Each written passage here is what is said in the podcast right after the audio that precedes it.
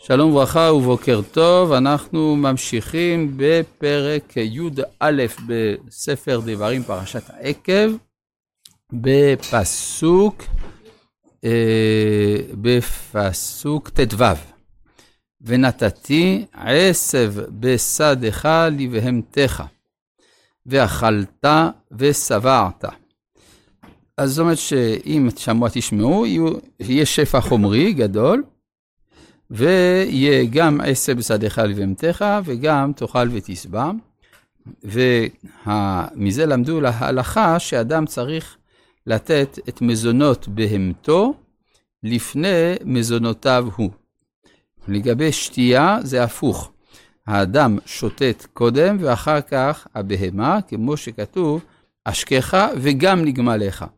משום שהצער של האדם שאינו שותה גדול מצער הבהמה, לעומת אכילה שזה הפוך, שהבהמה מצטערת יותר בהיעדר מזון מאשר האדם. אז אה, כאן התורה גם לימדה אותנו דרך ארץ. ואכלת ושבעת זה תיאור המציאות, וכמו שרא, שראינו בתחילת הפרשה, שכאשר אה, תאכל ותשבע יש סכנה פן יגבה הלב, יש יותר מזה, ישמרו לכם פן יפתה לבבכם, וסרתם ועבדתם אלוהים אחרים.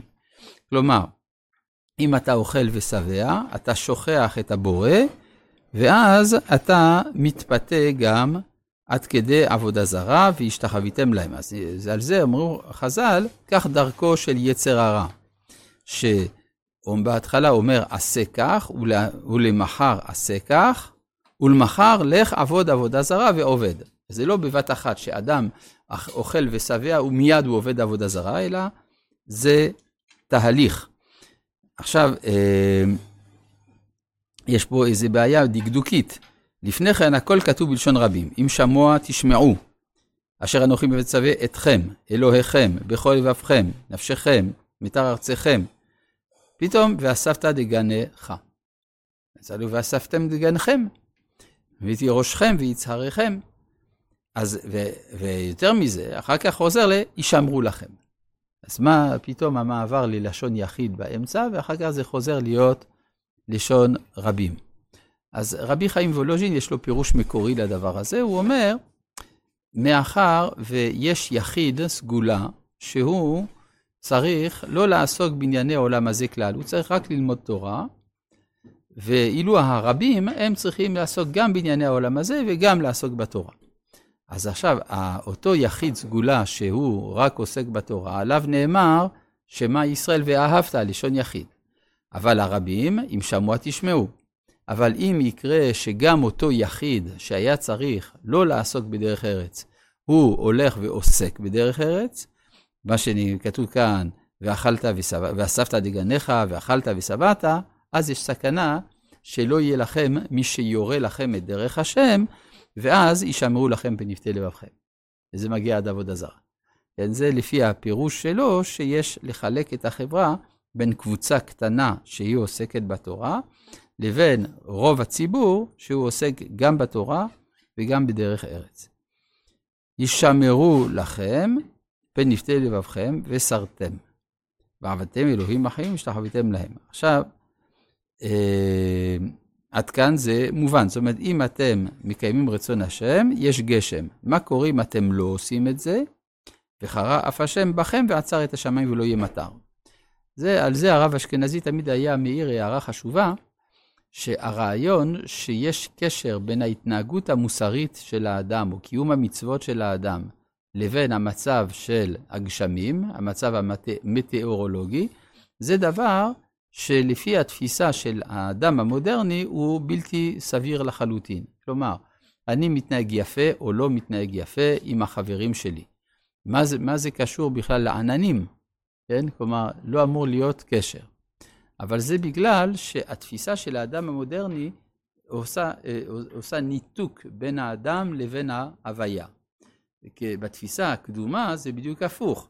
האדם הוא ביטוי של מצב ההוויה בכללה, ולכן אם יש קלקול בתוך נפש האדם, הדבר הזה בא לידי ביטוי גם במצב של העולם. או נגיד את זה אחרת, אם אין גשם, סימן שאין הרמוניה בין העולם העליון לבין העולם התחתון. אז זאת אומרת שהאדם עצמו צריך לעשות הרמוניה בקרבו, לחבר את השמיים שבקרבו ואת הארץ שבקרבו, ואז הדבר הזה פועל על כללות הבריאה גם כן שיהיה לו גשם. זאת אומרת שהרבה דברים שבתורה נחשבים למובנים מאליהם בימינו זה הפוך, ולהפך. למשל, אנחנו רואים שהתורה חוזרת ומזהירה מפני עבודה זרה. כן, אה, מספר הספרים שנכתבים בימינו בנושא איסור עבודה זרה הוא קטן ביותר. הספריות מלאות בהלכות שבת והלכות בשר בחלב והלכות טהרת המשפחה. זה מה שאנחנו רואים. אבל הרעיון שיש סכנה שאם אתה עושה עבירה קטנה, בסוף תגיע לעבודה זרה, הדבר הזה הוא כמעט ולא מצוי בימינו. כלומר, המושגים מתהפכים. ואז יוצא שאם אנחנו רוצים באמת להבין את פסוקי התורה, אנחנו צריכים להבין מה היה הרקע של התרבותי, הערכי של העולם בשעת נתינת הפסוקים. ואז אנחנו מבינים אותם לאמיתתם. אה, וחרף השם בכם ועצר את השמיים, ולא יהיה מטר, והאדמה לא תיתן תעולה, ואתם מהרה מעל הארץ הטובה אשר השם נותן לכם. אז מה יקרה? אם תאבדו מעל האדמה, אז איפה תהיו? אם תאבדו מעל האדמה ותמותו, אז אין מה לדבר יותר. אלא בוודאי שפה מדובר על הגלות, כן? שאתם תאבדו מארץ ישראל ותהיו בגלות. מדוע? מה זה קשור? זה, הרי למה העונש של עם ישראל זה דווקא גלות? משום שכאשר מגיעים לעבודה זרה, זה בגלל גאווה. הגלות גורמת, איך אומר הרמב"ם, גורמת לאדם להיכנע ולהתמלא בענווה. וזה מה שמשיב את האדם לעבודת השם.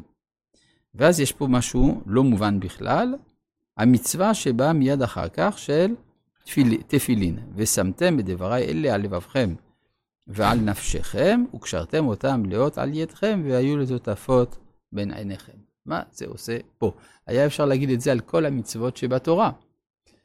אז רש"י מביא בשם הספרי דבר מאוד עמוק, שזה נאמר על הגלות. כלומר, אתם תגלו מן הארץ, אז תניחו תפילין.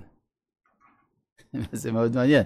הרי הנחת תפילין זה מצווה שהיא תמיד, גם בארץ ישראל, גם בחוץ לארץ. אדרבה, היה מקום לחשוב שאין שום צורך לציין את הנחת התפילין בחוץ לארץ, כיוון שזו מצוות הגוף ולא מצוות הארץ. על זה אומר הספרי, לא, ההפך. המצוות כולן שייכות לארץ ישראל. ולכן היה מקום לומר שבחוץ על הארץ לא נקיים שום מצווה, ובכלל זה גם מצוות תפילין שהיא מצוות הגוף. ואז מחדשת התורה, לא, אף על פי כן אתם תניחו תפילין ותקבעו מזוזה, כדי לא לשכוח את המצוות האלה כשתחזרו. נשאלת השאלה, בסדר, מאיפה, ה... מאיפה הספרי לקח את זה שזה כדי לא לשכוח? נכון, יש פסוק בירמיהו, הציבי לך ציונים, שימי לך תמרורים. אבל זה פסוק בירמיהו, איפה כתוב בתורה שזה כדי לא לשכוח? כן? נכון, זה ההמשך. בשביל זה, זה בשביל זה יש פסוק אחר כך. ולימדתם אותם את בניכם לדבר בם בשבתך ובביתך ובדרכך ובדרך ובשוכבך ובקומך, שזה מצוות לימוד תורה, וכתבתם על מזוזות ביתך ובשעריך, כל זה למען ירבו ימיכם ובניכם על האדמה. זאת אומרת, זה עצמו מה שהספרי אומר. אתם תניחו תפילין, תקבעו מזוזה, כדי שתירשו את הארץ. כלומר, שכדי שיהיה לכם השתוקקות אל המקום שבו המצוות הן טבעיות, ו, אה, ולכן ירבו ימיכם וביניכם על האדמה אשר נשבע השם לאבותיכם לתת להם, כימי השמיים על הארץ. עכשיו, יש פה כמה דברים לא ברורים. מה זה קודם כל כימי השמיים על הארץ? אלא אפשר כימי השמיים לנצח, ואתם תהיו על הארץ כימי השמיים. אפשר פשט אחת. אפשר להגיד כימים שבהם השמיים היו על הארץ. מה זה הזמן, הימים שהשמיים היו על הארץ? זה ימי האבות. הרי האבות הם היו שמימיים, הרי הם קיימו את כל התורה כולה, למרות שלא קיבלוה. זאת אומרת שהם אנשים ברמה שמימית עליונה.